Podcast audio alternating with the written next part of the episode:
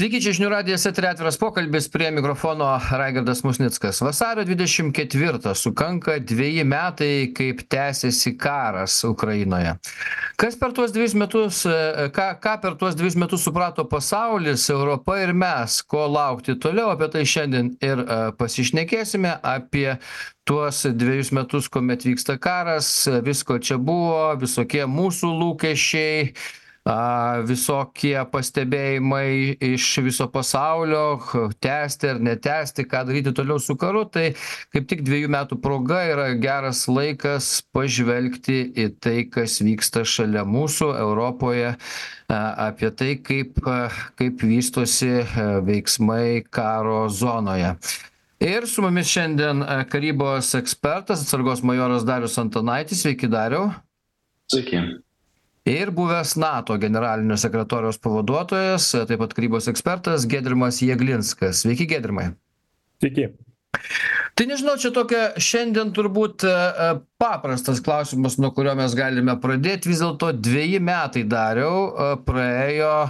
Ar apskritai pats tikėjaisi kad karas truks dvejus metus kai jis tik prasidėjo kai jis tik prasidėjo be abejo kad nesitikėjau nes ir kai pats prieš karą lankiausi ukrainoje ir apskritai bendras nuotaikas ukrainoj tai aš maniau kad ukraina greitai kris. Ir manau tie kas dabar sako kad nesitikėjo to tai turbūt šiek tiek meluoja truputį kad kad nesitikėjo to. Tai ir tai buvo labai didelė nuostaba kad ukrainiečiai parodė valią valią gintis. Ir iš tikrųjų aš nesitikėjau nuo karo pradžios kad tai bus vėliau jau kada tai į vasarą nukeliavo į rudenį tai jau buvo aišku kad ypač kai deokupavo didelę dalį ukrainos ukrainiečiai tai buvo aišku kad tai tai užtruks pakankamai ilgai.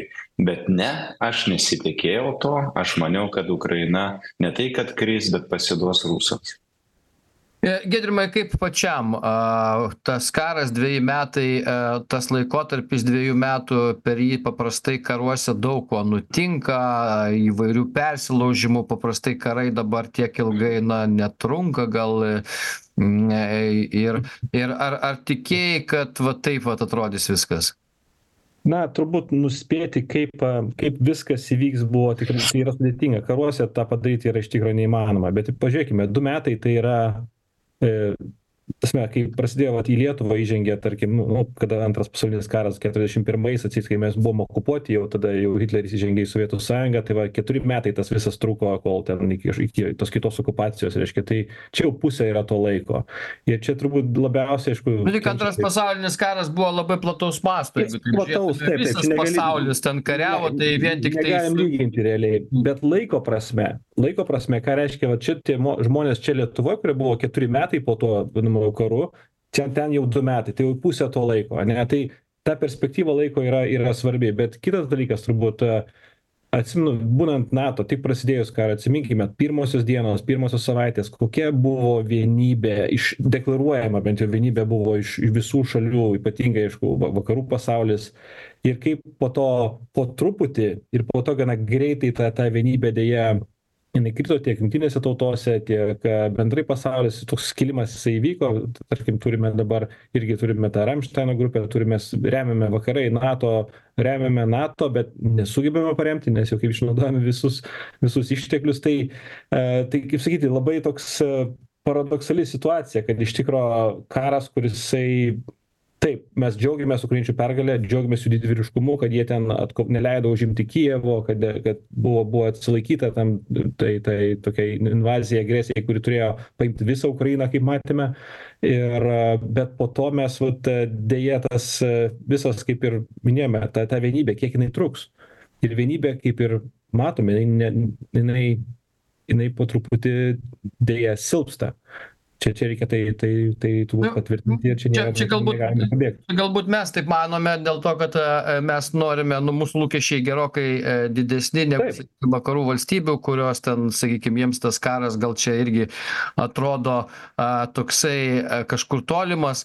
E bet dariau dar grįžtant prie paties pasakytų minčių apie tai kad turbūt tiesa kad dauguma prasidėjus karui manė kad kijevas kris ten per kelias dienas ar per kelias savaites dabar tai trunka dvejus metus tai kas vis dėlto kodėl toks mąstymas buvo ar iš tikrųjų ir kas ir kas nutiko tada pa ar iš tikrųjų rusai galėjo apžioti tokią didelę valstybę kaip ukraina jeigu jinai a nusprendė priešintis? A kitaip sakant kur tavo am to abejonių motyvai buvo? Ar kad ukraina nesipriešins ir tiesiog pasiduos a ar ar kame na nors ir ukraina ir pareiškė apie eurointegraciją nuo du tūkstančiai keturioliktų metų stengėsi kažką tai padaryt tačiau per tuos visus metus nebuvo padaryti jokių tokių apčiuopiamų žingsnių iki pat pilno masto karo ukrainoje. Ir jeigu kas ir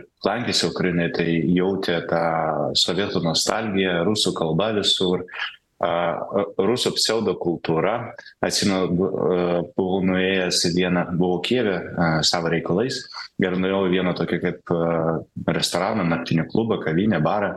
Ir apačioj rūsyje buvo tie stendapai arba tie humoristai kurie stovi ant scenos ir pasakoja juokelius publikai. Ir aš išgirdau kad jie kalba angliškai. Tai buvo jauni žmonės. Aš nustebau aš nusileidau pasiklausyti ir tada man atgrasu tapo kada vienas pasakė na žinote angliškai tie bajeriai skamba nekaip rusiškai žymiai geriau.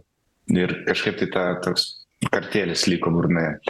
Tai be abejo iki to pilno masto karo tai kai tu matai tą rusizmą visą sovietizmą visą tai be abejo tu nesitiki kad žmonės iš tikrųjų giliai širdyje yra laisvi žmonės ir tas būtent karą karo pradžia ir parodė kad jie yra laisvi žmonės. O kalbant apie rusiją prisiminkim praėjusius karus kai buvo užimta čekoslovakija. Nu ten irgi galėjo neapžioti bet tiesiog krito.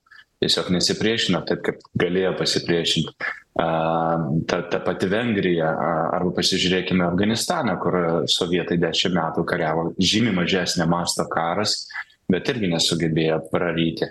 Pažiūrėkim čečėnija krito ir čia galim viską kalbėti apie kad jie ten didvyriškai kovoja taip kovoja bet rezultatas toks kad jinai dabar prorusiška čečėnija ir tiek. Tai yra vasalas yra rusijos. Tada pažiūrėkim į sakartvelą. Irgi pakankamai greitai griuvo sakartvelas ir vakarų dėka rusai buvo sustabdyti. Ir rusai nesugebėjo pilnai ne nesustojo pilnai neokupavus gruzijos sakartvelo tai aš manau tas pats buvo ir apskaičiavimas su ukraina nes tokio dydžio valstybes okupuoti yra praktiškai neįmanoma. Ir aš netgi turiu tokią teoriją kad valstybės turi būti tam tikro dydžio ir tam tikro gyventojų skaičiaus kad jų nebūtų įmanoma okupuoti jėga. O protu ar idėjomis okupuoti įmanoma tai aš manau būtent tai ir buvo. Nes jeigu mes pažiūrėsim į puolimą žemėlapį tai rusai praktiškai buvo a trys kryptys. Tai viena kryptis sausumos kelias į krymą antra kryptis tai užimti sostinę trečia kryptis susijungti su padniestrėje esančiais savo daliniais. Na tai ir iš to galima suprasti kad rusams tikslas buvo vis dėlto sausumos kelias nuversti teisėtą valdžią kijeve ir po to atkirsti amžiams ukrainą nuo juodosios jūros tam kad rusai turėtų ekonominę prieigą prie jos o ukrainiečiai ne tai vat tai viskas ir susidėjo rusai apsiskaičiavo galvodami kad jų bijo visi ir jie viską gali ir palaikymas rusijos ukrainai yra didesnis negu negu yra iš tikrųjų o ukrainiečiai atsilaikė iš tikrųjų nes nors ir aš skeptiškai žiūrėdavau į jų norą tapti nato nariais ir eurointegracija bet jie vis dėlto turėjo tą norą didesnį negu aš įsivaizdavau. Dėkui, Dariu, tai Gedrimai, vis tiek, žiūrėk, kodėl du metus rusams nepavyksta jų tikslai? Nu, kitaip sakant, dalinai pavyksta okupuotas Donbasas, lieka okupuotas Krymas, bet iš principo toliau e, pajudėti nelabai sekasi. Čia tas, vat, apie ką Darius kalba, vis dėlto dabar jau yra tiesiog kraujyje ukrainiečių pasipriešinimas totalus. Kas čia nutiko? Ar vis dėlto aišku vakarų parama be abejo svarbi bet bet visą laiką vis tiek ginklai patys gi nešaudo kaip sako. Ne tai taip bet iš tikrųjų karus laimi vis dėlto resursai ir ekonominė galia ar kaip tai pavadintume ekonominis kažkoks potencialas kurį kurį valstybės turi tai yra svarbu. Ir žiūrėkime rusija yra keturiskart didesnė valstybė negu ukraina dabar kalba eina ar ar jie gali sutelkti tiek ir iš tikrųjų ir ir ar ukrainiečiai ar ukrainiečiai mes galim padėti tiek kad at atsilaikytume šitą šitą tokį anšlavą reiškia ru rusijos rusijos pajėgų. Ir ką mes matome dabar karas taip tai labai aiškiai parodo kad resursai logistika masė svarbi technologijos vis dar svarbios bet galiausiai tenai apkas apkasuose ten yra ten yra žmogus prieš žmogų. Ir kas dabar vyksta matome avdijikoje buvo iš išstūmimas reiškia tai aišku rusija turi tą jie jie koncentruojasi čia jų yra tikslas tai yra visuomenė yra konsoliduota link šito jinai galbūt nėra konsoliduota galbūt protiškai bet yra bent man daroma viskas valstybėje kad reiškia sutelkti pajėgas plius aišku yra parama ateinanti iš ten iš šiaurės korėjos kinijos iš irano su te su tam tikrom technologijom su ginkluote. Vėlgi čia mūsų pareiga yra nu skamba paprastai bet iš tikrųjų padėti ukrainai laimėti aš žinau kad labai kartais skeptiška yra ką reiškia ta pergalė ir kaip čia mes galime padėti. Realiai reikia pagaminti tų tos ginkluotės pagaminti amunicijos ir ją teikti. Tam matome pramonė yra nepasirengusi pas mus nu pas mus aš kalbu apie bendrai apie vakarus. Yra politinės kliūtys ką matome jungtinėse valstijose turime ir europoj susiskaldymą politinį kur iš tikro mes negalime pakankamai duoti ukrainai. Ir o realiai o o realiai galiausiai yra apie resursus. Žiūrėkite ekonominė galia nato viso kartu su ukraina na tarkim sudėsime tai čia virš dvidešim dvidešim prie vieno ane yra yra santykis su rusija. Tai realiai jeigu viską tikrai viskas tikrai suveiktų viskas būtų yra susi susitelkimas e aiškus europoje ir jungtinėse valstijose mes tikrai galime šitą karą padėti ukrainai laimėti bet dabar viskas priklauso nuo politinės valios. Ir aišku rinkiminis sezonas tam nepadeda nes kiekvienoj valstybėje kiekvienoj valstybėj kadangi yra rinkimai viskas yra veikiama lokalių lokalių kažkokių tai problemėlių kurios politikai reiškia galiausiai išnaudoja visą ukra ukrainos naratyvą savo naudai. Tokia realybė tokia tokia šiandieną tikrovė.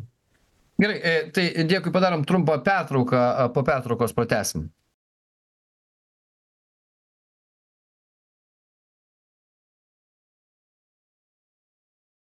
tęsiame atvirą pokalbį. Du metai dveji metai karui kas toliau kaip atrodo tie dveji metai kurie dabar vyksta ukrainoje tas karas ir ir kaip reikėtų žiūrėti į į visa tai po dviejų metų ar iš tikrųjų karo veiksmai kažkaip veda kur nors ar vis dėlto visas tas karas įstrigęs aklavietėje ir ir reikia laukt kokių nors politinių sprendimų apie tai šiandien ir šnekamės. Darius antanaitis karybos ekspertas atsargos majoras giedrimas jeglinskas buvęs nato generalinio sekretoriaus pavaduotojas taip pat karybos ekspertas šiandien mūsų laidos pašnekovai. Dariau tęsiant tada mūsų tyrinėjimus vis dėlto kas kas jūsų nuomone dabar vyksta ukrainoje? Vat šiuo metu po dviejų metų karas jisai na kaip mes įsivaizduojam paprasti žmonės jisai e, ne tai kad sustojo bet jisai aklavietėje ar kaip Aš nesakyčiau, kad tai yra aklavietė vis dėlto, nes visą laiką veiksmo nebūna kare. Tai natūralu, kad kažkada tai kažkur tai sustoja, kada ir vienus ir kitos pajėgos pasiekia tam lygiai verčias pajėgumus. Tai dabar mes tai ir matom. Iš kitos pusės o, rusams iš principo ir labai stengtis ir nereikia toliau kažką tai daryti nes vis dėlto tą sausumos kelią jie turi viską ko jiems reikia tai šiek tiek pasistūmėti kad užimti tų keturių apskričių kur rusijos dūma pripažino esąs rusijos teritorija iki tų ribų nueiti bet jie tai gali padaryti ir vėliau. Svarbiausia rusams neleisti ukrainiečiams kontratakuoti ir perimti sausumos kelio į krymą kontrolę. Tai štai dabar tai ir vyksta. Ir prisiminkim kad ir praeitų metų mes irgi pas mus nuotaikos svyruodavo nuo visiškos depresijos iki visiškos euforijos. Štai mums pavyko štai mums nepavyko. Na karas toks dalykas kad na jis yra dinaminis. Dabar mes matom kad didelių pajudėjimų nėra dėl to mes ir žiūrim vat avdijivką užėmė neužėmė kažkokį vienkiemį ten sugriovė apžvalgė kažkur tai vėliavą rusai užkabino ir pabėgo. Na ir tokius labai smulkius įvykius mes pasižiūrim. Bet aš nepasakyčiau kad karas yra sustojęs arba yra sąstingis nes vis dėlto judėjimas visą laiką yra, nėra taip, kad va, dabar mes sustojame ir čia dabar žiemosim dešimt metų. Nu, nesąmonė taip yra. Vis dėlto yra skaičiuojama ir žiūrima, ką daryti toliau. Bet to ir naujas kariuomenės vadas Ukrainos, jis irgi taip pat gavo pakankamai aiškius nurodymus ir aiškius lūkesčius, ką jis privalo pasiekti. Ne, ne o ką jis gali pasiekti, Dario, vat pats kaip karybos ekspertas, ką jisai gali pasiekti? Jisai gali ką nors e, kitaip padaryti negu Zalužnas, ar ne? Aš tikrai nežinau, kokias užduotis jis gavo, bet vėlgi galime paspekuliuoti. Tai kas buvo prie Zalūžno, tai reiškia reikia pakeisti. Tai tas vadinamas sąstingis, tai yra vienas dalykas, kitas dalykas, ko gero, tai būtų Ukrainos teritorijos gynyba, kad Rusija nesiverštų toliau į gilumą. Dabar apie kontrpolimą kalbėti neverta. Dabar iš tikrųjų aš būsiu labai nepopuliarus sakydamas taip kad labai naudinga ukrainiečiams ilgiau laikyti rusus e, e, kovojančius Ukrainoje. Kodėl? Nes paskui Ukrainą aš viliuosi, kad yra praktiškai viso normalaus pasaulio ekonomika, kuri remia ją, pas rusus, na, jeigu rusai jau prašo pagalbos iš Šiaurės Korejos, nu nekas rusams iš tiesų. Tai manau ir sekinti rusus, nes vis dėlto karai. O kiek tiesos yra dariau, kad visa sausumos kariuomenė jau sustumta į Ukrainą yra Rusijos beveik? Aš nežinau rusų planų, tačiau jeigu mes pažiūrėsim pagal skaičius, tai e, jeigu mes beros 300 tūkstančių žmonių tenai, karių yra plus 30 tūkstančių kasmet yra rekrutuojama, ką reiškia 30 tūkstančių rekrutuojama, nuo ukrainiečių kasdien uh, yra neutralizuojama beveik tūkstantis okupantų. Tai 30 tūkstančių, tai, va, tai yra tas neutralizuoto kiekio kažkoks tai balanso atstatymas. Tai nėra, kad kas mėnesį auga Rusijos kariuomenė. Tiek. Ne, ne, nesąmonė. Tai tiesiog yra atstatomi praradimai vienai per kitaip ir tiek. Tai uh, kad, kad visa kariuomenė, tai visų pirma paklausykim, ką ir Lietuvos pusė kalba, nes mes visą laiką dažnai arba taip, kad Lietuvoje nuo pranašų nebūsi. Tai jeigu Lietuvos uh, kariuomenės atstovai ir politikai, kurie giliai šitai temai kažką taip pasakė, mes skeptiškai žiūrim, tačiau pasitikėm e, trim dalykais. Tai Estų žvalgyba, Britų mokslininkais ir Albanijos generolais. Tai uh, Tai mūsų vis dėlto išvalgai sako, kad karaliaučius, na, jis yra apnogintas. Rusai teigia, kad prie Suomijos sienos ten sukurs aibė divizijų, iš kur tu gausi tas divizijas? Na, ant popieriaus gražu. Po to, kad oro gynybos sistemos išbogintas ne tik iš karaliaučiaus, bet ir iš tolimųjų rytų, kur saugojo nuo Amerikos. Beje, nepamirškim, kad Amerika arčiau Rusijos prie rytinės sienos, nei praktiškai ten matoma plika akimi, geras svoris ir panašiai. Tai aš negaliu patvirtinti tų skaičių bet net netiesiogiai tai galima teigti kad taip visa sausumos kariuomenė yra tenai. Kitas dalykas vienam pėstininkui reikia trijų keturių logistų arba aptarnaujančio personalo tai tai ką mes matom tarkim jeigu ukrainoje kovoja ten tarkim penkiasdešim tūkstančių rusų pėstininkų tai reiškia kažkur tai užnugaryje du šimtai tūkstančių dar bando juos išlaikyti. Tai yra logistai tai yra ryšininkai medicinos personalas vadovaujantis personalas, žvalgybos, kontžvalgybos valdybos visokios ir panašiai. Tai vėlgi, mes dažnai rusus mistifikuojam, kad jie čia gali kažką tai, nu, na, tu negali kažką tai daug padaryti, kai pas tavę BVP yra mažesnis negu Italijos. E, dėkui dariau. Tai e, giedrimai e, pats pradžioj sakėte kad iš tikrųjų vakarų parama slopsta visa kita bet tai čia gal gal čia tiktai mūsų akimis taip atrodo vat mes labai norime kad amerika čia greičiau tuos šešiasdešim milijardų į ukrainą ukrainai duotų bet iš principo čia tas ta mėsmalė kuri vyksta jinai naudinga ukrainai tokia gal net ir su tuo tam tikru mitu kad ukrainiečiams kontrapuoli puolimas nepavyko kad kad maždaug neduoda vakarai ginklų pinigų ir tada rusai o dabar laikas čia pulti. Ir pakliūna į tą visą tuos smagračius kurie ten sukasi. Na aš nežinau kiek tai yra naudinga ukrainai žinau kad tai yra tai rodo šiek tiek ir ne ne šiek tiek nu absoliu absoliučiai mūsų bendrai visuomenių ir deja politinės valios nebuvimą vakaruose kai kai mes sakome kad neduodame o galėtume duot ane ukrainai ne tai tai nėra tiesa paprasčiausia gamyklos nedirba tokiais greičiais nėra paklausos signalų iš valstybių nėra paklausos signalo iš ta prasme europos sąjunga iš viso yra nėra geopolitinis žaidėjas atsiminkim mes mes čia kažkada vat labai norėjom kad orbanas atsiimtų veto ukrainos europos sąjungos pagalbai šitai ukrainai. Ir ten kiek ten penkiasdešim milijardų buvo ir bet tai žiūrėkite tai yra per tris metus ten bus institucinė parama iš principo. Tai nėra mūšio parama tai nėra tai ko dabar va dabar reikia kad jiems kažkokį tai proveržį ir ką tas naujasis kariuomenė kariuomenės vadas galėtų padaryti. Ir beje aš tai čia daug kas įvairių svarstymų buvo dėl zalužno patraukimo ar pasitraukimo bet iš tikro mano nuomone tai rodo labai sveikos demokratijos požymį. Reiškia tai atsiminkime visuose karuose. Ar tai būtų amerikiečiai per antrąjį pasaulinį karą ar ar ar vėliau ar ar kitos kariuomenės. Dažnai tokie generolai yra nu yra mūšis ta vadinama kovinė patirtis pagreitina patirtį tai jeigu tu galvoji kad reikia turime rotaciją štabo viršininko pas mus nežinau kiek ten trys keturi metai realiai jeigu yra kovinėm sąlygomis turbūt ta rotacija pagreitėja turbūt nes ir mokymasis ir ir stresas ir iššūkiai yra žymiai žymiai greičiau įveikiami ir viskas tvarkoj kad įvyko taip čia dabar jau yra turėsime turbūt naują vadą su nauja vizija tam reikalinga reikalingas kažkoks tai prabudimas ar šiaip kitoks matymas kitokia šiek tiek galbūt kitokia vizija ką ką daryti bet ukrainiečiai manau tą padarys. Bet vėlgi iš vakarų pusės tai tai yra tai yra absoliučiai neatleistina nes iš tikrųjų nu ne ne ne tiek ukrainai netgi bet visam visam demokratijų apsaugai pirma tai aišku reikia ukrainą duot tuos ginklus reikia mūsų atstatyti arsenalus visus. Trečia reikia persvarstyt visą mūsų bendrai gynybos strategiją ir kiek mes turime turėti atsargų kiekvienas turėti čia ar lietuvoje ar lenkijoje ar ar žinoma čekijoje ar ar kitose šalyse mes galvodamas seniau žiūrėkite turime tiek tiek atsargų ir tiek yra gerai. Reikia išmokt tas pamokas kad iš tikro ukrainoje tas panaudojimas pavyzdžiui tos pačios artilerijos yra n kartų didesnis. Tai kiek reikia turėt atsargų pas mus? Tai čia čia daug klaustukų daug daug klausimų bet galiausiai viskas susideda į politinę valią. Yra politinė valia kuri duoda sig signalą pramonei tas pradeda veikti bet kol kas tų signalų nesimato dėkui padarom trumpą pertrauką naujausios žinios po pertraukos pratęsim.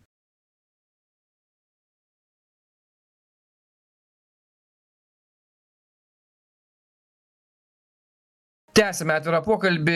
Dveji metai karui. Kas toliau? Apie tai šiandien šnekamės darius antanaitis karybos ekspertas ir giedrimas jeglinskas buvęs nato generalinio sekretoriaus pavaduotojas bet kokiu atveju šią laidos dalį mums reikia pažiūrėti į ateitį praėjo dveji metai ką iš to galima kokias išvadas padaryti tai kaip jums atrodo vis dėlto na aišku čia spėlioti dabar duos amerika pinigų neduos tai čia vienas dalykas antras dalykas ar davus pinigų būtinai reiškia kad kad kaip nors keisis kažkas labai fronte bet vis dėlto a a čia gi nereikia kažkokios jūsų ekspertinės pozicijos arba net ne ekspertinės kitaip sakant o orakulo pozicijos kur jūs nuspėtumėt ateitį. Jūs ne vanga ten ir ne ne kaip ne ne mikalda ir ir kas ten nedaro reiškia ne.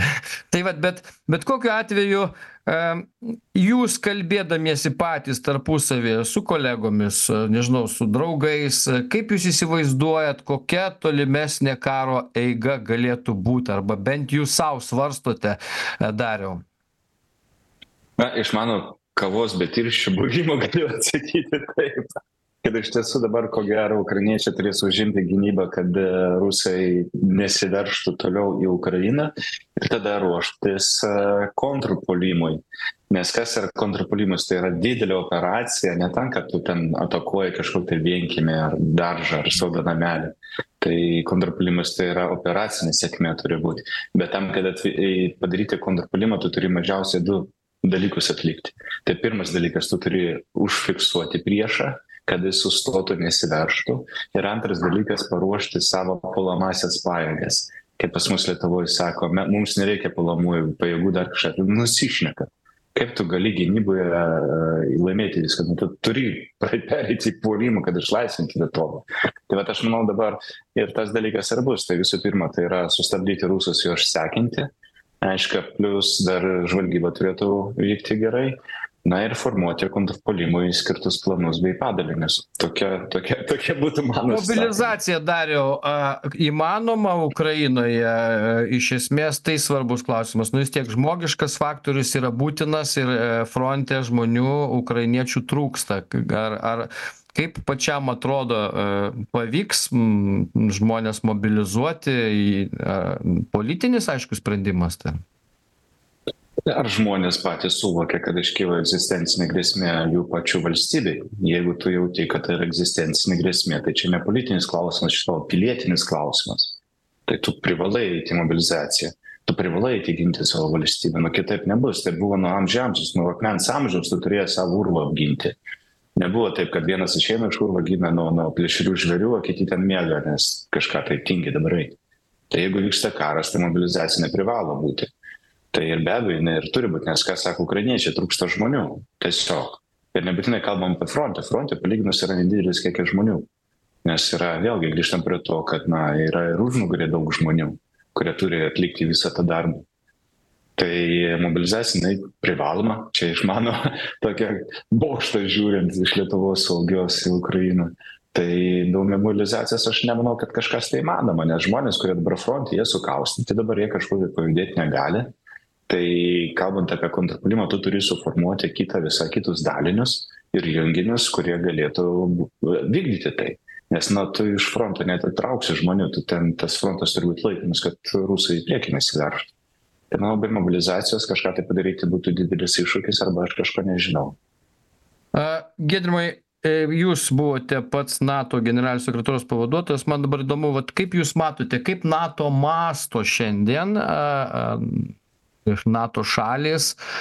Sakėte, taip kažkaip nusivylusiai jų, jų nuskambėjote dėl NATO, bet mm, pats sakote, pats sakote, kad ten tų svedinių, šovinių tiek daug NATO valstybėse nėra tai gal tai yra būdas ką sako darius dabar stabdyti a ne negalvoti apie kontrpuolimą o sustabdyti rusus kažkokioj užfiksuoti tam tikram taške ties donbasu.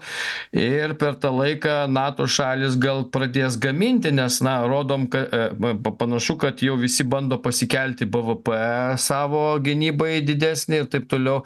Gal čia kaip tik e, tas momentas tik klausimas kiek tai galėtų užtrukti e, visa tai taip tai va čia čia didysis klausimas yra. Aš kaip mi minėdavau dažniau atsimenate keturioliktų metų aišku krymo užėmimą rytų rytų reiškia ukrainos užėmimą rusų. Ir per kiek laiko mes dislokavome na kiek jos yra efektyvios tai vienas kitas klausimas bet esmė bet net simboliškai kalbant tas vadinamas priešakines nato grupes lietuvoje atvyko septynioliktų metų pradžioje mes jau pil tą turėjome tą pajėgumą. Trys metai. Dabar aš spėčiau kad na taip yra kad mes kartais esame vakarai bendrai kokie trys metai atsiliekame nuo to nuo to tempo karo kur kur jisai kur jisai eina kur turėtume būti. Taip dabar ir beje prezidentas trampas ne prezidentas atsiprašau ką aš čia pavadinau a kandi būsimas galimai kandidatas trampas labai yra yra savo teiginiais matėme tą išdarkę situaciją netgi miuncheno saugumo konferencijoj taip pat mano ten tokioj grupėj kur dalyvauju su su su kitais lyderiais kaip boris džonsonu su hilari klinton su kitais mes esam tokioj diskusijų grupėje reiškia e, dėl ukrainos būtent ir iš tikrųjų tie teiginiai trampo nors jis yra tiktai pilietis beje jav mm. jisai jisai sugeba sugeba pakreipti šalių šalių iš principo trajektoriją gynybos investicijose ir tai ką mes matome taip dabar vėl yra susi susi susibėgimas sakome žiūrėkite turime vėl investuoti vokietija čia pasiekė du procentus galbūt jau šiemet jau čia gerai. Vėlgi tai yra maži žingsniai link to kas turi vykti europoje ir ir nato šalyse kad iš tikrųjų padėti ukrainai pakankamai. Yra tušti arsenalai e, gamyklos neveikia tokiu tempu kokiu turi veikti gamyklų jų nėra tiek kiek kiek turi būti nėra nėra to karinio mentaliteto kokio mes nėra nesame perėję bendrai europoj į karinį mentalitetą kuriame turėtume būt kuriame jau yra rusija.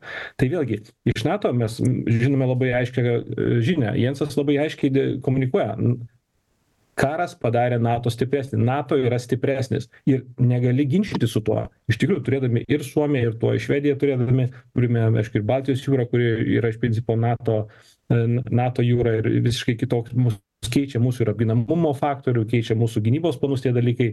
Tai yra daug pozityvių dalykų aljanse bet dabar ką tai duoda ukrainai? E, manau kad ukrainai tai pirmiausia ženklas kad žiūrėk žiūrėkite jums reikia atsirasti nato čia.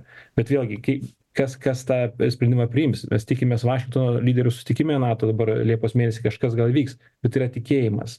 De spėčiau kad to neįvyks. Bandysime duoti visa kita ukrainai kas įmanoma bet ne narystę ne ne kelią į narystę. Deja tai yra tokia realybė yra konsensuso kol kas dėl šito klausimo nėra. Tai vėlgi tai nesakau kad čia yra labai galbūt liūdna situacija. Aš manau kad jinai yra tokia kokia yra. Jinai yra realistiška situacija. Tai yra kad mes turime susiimti su turime ir galbūt kai mes vėlgi nekalbu apie lietuvą kalbu iš tikro apie vakarų europą apie tas mūsų pramonines valstybes apie jav lyderystę kuri svyruoja kaip sakyti bet turime turime išlikti vieningi ir pradėti pagaliau rimtai rimtai gaminti tai ką reikia gaminti ir padėti ukrainai ir sau patiems e, Dariau, e, bet apie tai, e, apie tai, ką jūs nupiešėt ir greičiausiai tai yra turbūt objektyvus ir, ir teisingas vaizdas.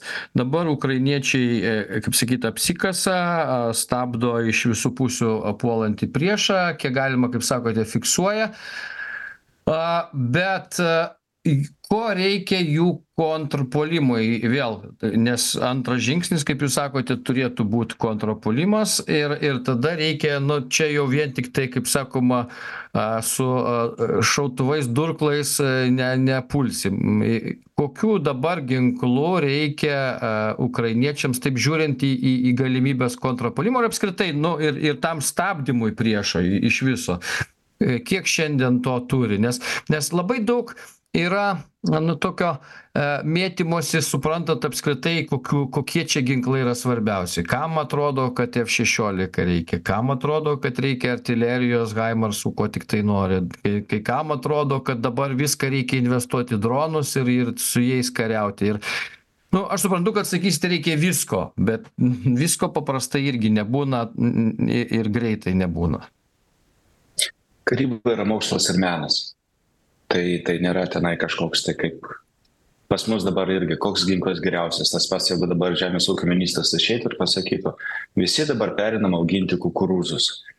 Tai nes tai yra labai maistinga medžiaga ir su ją mes laimėsim viską. Tai dabar irgi tas pats Haimarsai, Džavelinai, dabar, dabar kitas uh, fetišas dronai pasidarė. Tai bet nuo karybos mokslo niekur mes nenueisim. Tam, kad atlikti kontrpuolimą, to reikalingi du dalykai. Tai yra pajėgų koncentracija ir greitis. Tai, e, pavyzdžiui, kad ir tie patys dronai, su dronais tu vietovės neužimsi ir su dronais tu vietovės neišlaikysi. Aišku, faina tai ten, kad tu šiltai sėdi švariai, nereikia tau per tą molį klampuoti su prieštankiniu ginklu. Bet ne, dronai tai yra vienas iš uh, dalykų. Tai pajėgų koncentracija, tai reiškia kad pas tave būtų tiek persvara tam tikrame taške kad priešas tiesiog fiziškai negalėtų atsilaikyti. Ir tai dar nereiškia kad tu turi žmogų siųsti bangomis. Tai reiškia kad turi būti artilerija tai turi būti aviacija tai turi būt raketinės sistemos kurios naikina priešo pozicijas. Kai mes kalbam kad ukrainiečiams reikia iššauti arba rusai iššauna milijoną sviedinių per mėnesį nu ir nesąmonę kalba. Reikia sunaikinti milijoną taikinių per mėnesį o ne milijoną šūvių atlikti esmė ne kiek o į ką. Štai kur yra esmė. Kas iš to kad aš per mėnesį išleidžiu tūkstantį eurų tarkim arba iš manęs išeina. Svarbu ką aš padarau už tas tūkstantį eurų.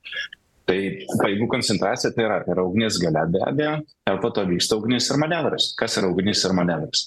Ugnis tai yra tankai tai yra pėstininkų kovos mašinos artilerija aviacija tai yra ugnis kuri slopina ir naikina priešą. Kol priešas naikinamas ir slopinamas tada vyksta manevras.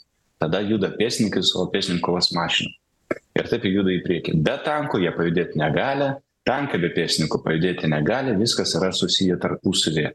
Nėra taip kad mes išimam vieną sistemą iš visos tos uh, struktūros ir sakom o šita sistema atliks visą darbą nu nesąmonė plaktukas jis pats nesuskaldys akmens ir netgi žmogaus rankose nu sudėtinga reikia dar tą kaltą kas ten yra su kuria skaldys akmuo. Reikia dar meistriškumo reikia apsauginių akinių ir taip toliau. Todėl aš norėčiau grįžti prie karybos esmės. Kontrpuolimas tai yra pajėgų koncentracija ir greitis kam reikalingas greitis? Tam kad priešas nespėtų sureaguoti. Ir kalbant apie greitį mes kalbam ne apie tai kad šimtą kilometrų per valandą. Tai irgi biškį nesąmonė. Greitis tai yra sprendimo priėmimo greitis tai yra tu priimi sprendimą ir pradedi veikti greičiau negu priešas priima sprendimą ir reaguoja taip. Tai yra priešas visą laiką reaguoja į praeitį. Na tai reiškia jis nuolat pralaimi. Tam kad būtų greitesnis sprendimo priėmimas tau visų pirma reikalinga žvalgyba. Žvalgyba yra viso ko pagrindas. Jeigu tu nežinai kas vyksta na tu ir bus va taip milijonas sviedinių per per mėnesį bet tau reikia milijoną taikinių per mėnesį naikint tai va tai žvalgyba sprendimo priėmimas ir čia mes vėlgi turim kalbėti apie ryšių sistemas apie kurias labai pamirštam greitai kad kariai tarpusavyje galėtų bendrauti žinoti kur yra tavo priešas kur yra tavo padaliniai šoniniai ir judėti į priekį. Tai vat yra yra tas vadinamas momentum. Tai yra tu turi išnaudoti momentą. Tavo ryšiai užtikrina tai kad tu greičiau reaguoji į pasikeitusią situaciją o f šešiolika f trisdešim penki dar kažkas tai yra detalės. Iš esmės yra sprendimų priėmimo greitis ir padalinių reakcija į tavo sprendimą. E, gerai tai e, giedrimai vis tiek mes artėjam prie pabaigos čia patys dabar pabaigoj blogiausi klausimai tai iš esmės būna ir ir tokiose temose apie tai a nu mes kai karą visą laiką stebėjom mes ten būdavo tų datų visą laiką. Kada kada. Nu vat kontrpuolimas vasarą jau atsiims krymą čia apie praeitą vasarą buvo kalba turbūt ten rudeniop reiškia per tiek laiko išlaisvins ukrainą ir visa kita. Dabar stebint situaciją mes kokius nors etapus giedrimai galim matyti ar ne kas na bus pavyzdžiui pavasarį vasarą rudenį šiemet apskritai kas nors keisis fronte galėtų keistis. Mes jau nebekalbam apie kažkokį tai čia kad vat greitai vėl išlaisvins jau jau tokių kažkaip kalbų nėra. Nors turbūt ir tai gali įvykti bet jeigu taip žiūrėti tai kaip vyksta karas dabar na mes iš tikrųjų mėgstame mėgstam būt optimi labai gerai kad no norim būt optimistais. Čia viskas tvarkoj. Optimistiškai mąstyt yra yra yra gerai bet reikia bet galiausiai tai kaip mes elgiamės ir mūsų veiksmai turi būt prikaustyti realybėje. Tai galiausiai viskas būna ne taip blogai kaip kaip įsivaizduojam ir ne taip gerai kaip kaip būna. Galiausiai kažkoks eina eina vidurkis. Dabar dėl kas kas čia vyks pavasarį mes visą laiką supra žinome kad kai pavasaris reiškia taip pavasariniai visokie puolimai tai yra metų laikai įtakoja karybą dramatiškai čia yra tai čia faktas yra. Bet vėlgi tas ne nekeičia situacijos tos makro lygmens to vadinamo tokio strateginio lygmens iššūkių. O iššūkis dabar yra tai kad ne tik na nežinau kaip ukrainoje bet tikrai vakaruose kad iš tikro kad ukraina kad rusija yra atspari pirmas iššūkis yra toks toks kad jinai išsilaikė kad atsilaikė kad čia gali toliau smogti. Vėlgi ekonomika aš spėčiau yra nors orientuota į gynybos pramonę jinai nebūtinai laikysis taip ilgai. Vėlgi yra ir vidiniai čia nėra vieninga valstybė ma nu kaip sakyti čia kažkada ją galbūt išgelbės revoliucija kaip ir dažnai ją manoma kad išgelbės bet realiai turbūt dar nus nuslopins dar nusmogs tolyn į į viduramžius. Antras dalykas kad antra baimė iššūkis yra kad ukraina gali patikėjimas yra vakaruose kad ukraina vis dėlto gali pralaimėti. Čia gal ir gerai tam tą tokį mąstymą šiek tiek perimti nes iš tikrųjų turėtume mums patiem kilti baimė ir ir ir ir mąstymas tada kas bus jeigu ukraina iš tikrųjų pralaimės to to nereiktų pamiršt ir bet bet tai yra ta baimė jinai yra ir tas matėsi tiek vakar vakarų kalbant su generolais va kalbant savo diskusijose. Trečias dalykas yra aišku sumažėjęs jav vaidmuo. Tai čia yra aš žinau kad čia yra labai gal nesusiję taip konkrečiai su su pačios ukrainos dabartiniu frontu bet realiai jeigu jav atsitraukimas iš tikrųjų vyksta iš europos tai turi didžiulę didžiules pasekmes viskam. Mums tam tame tame taip pat ir ketvirtas dalykas aišku kad europa yra neatsibudusi. Tai čia vakarų europa nėra atsibudusi jinai vis dar nėra pažadinta šito karo. Tai kol tie keturios baimės mes jose gyvensime aš manau kad sunku kažko tikėtis kad ukrainiečiai ims dabar čia ir stebuklą kažkokią įvykdys reiškia mūšyje karo lauke jiems reikalinga pagalba reikalinga aišku aš sutinku su darius ką prieš tai minėjo klausime kad reikalinga mobilizacija o mobilizacija reikalinga bet kokiai kontratakai be to nieko negali įvykti tai taip reikia tie žmonės turi būt sumotyvuoti reikalinga ne tiktai pilietinė lyderystė reikalinga šiaip lyderystė turbūt iš ir iš paties prezidento ir manau kad tų pokyčių galimai turbūt matysime dar ir pačioj kariuomenėje ir dalinių vadai keisis ir bet tai yra tai yra tikrovė. Tai dariau dar irgi trumpai kada baigsis karas? Visi karai vieną dieną baigsis. Jeigu pažiūrėsim tą patį Afganistaną, kur sovietai buvo, tai dešimt metų karas vyko. Tai turbūt trumpiausias karas buvo rusų prieš Sakartvelus. tai kada karas baigsis vieną dieną aš ir tegaliu pasakyti vieną dieną arba vieną naktį jis baigsis bet pasakyti kad po dviejų trijų penkių aštuonių metų jeigu taip atvirai pasakius karai nesibaigia karai tiktai nuslopsta ir vėl prasideda pažiūrėkim praeitą amžių visą amžių mes kariavom su su arba kovojom a, prieš rusų okupaciją. Tai a, nenoriu būti dramatiškas dar kažkas tai bet pasakysiu tiesiai šviesiai kada baigsis karas aš nežinau ir niekas to nežino. Bet kuris kuris sako kada karas prasidės ir kada jis baigsis jis tiktai spekuliuoja ir aš nežinau kada baigsis karas bet vis tiek tik gyvenkime viltimi kad jis baigsis kuo greičiau ir taip kaip mes norime ukrainos pergalę. Tai tiek šiandien laidoje. Ačiū a, dariui antanaičiui ačiū giedrimui jeglinskui dėkui tiems kas klausės. Tai buvo atviras pokalbis. Iki kitų kartų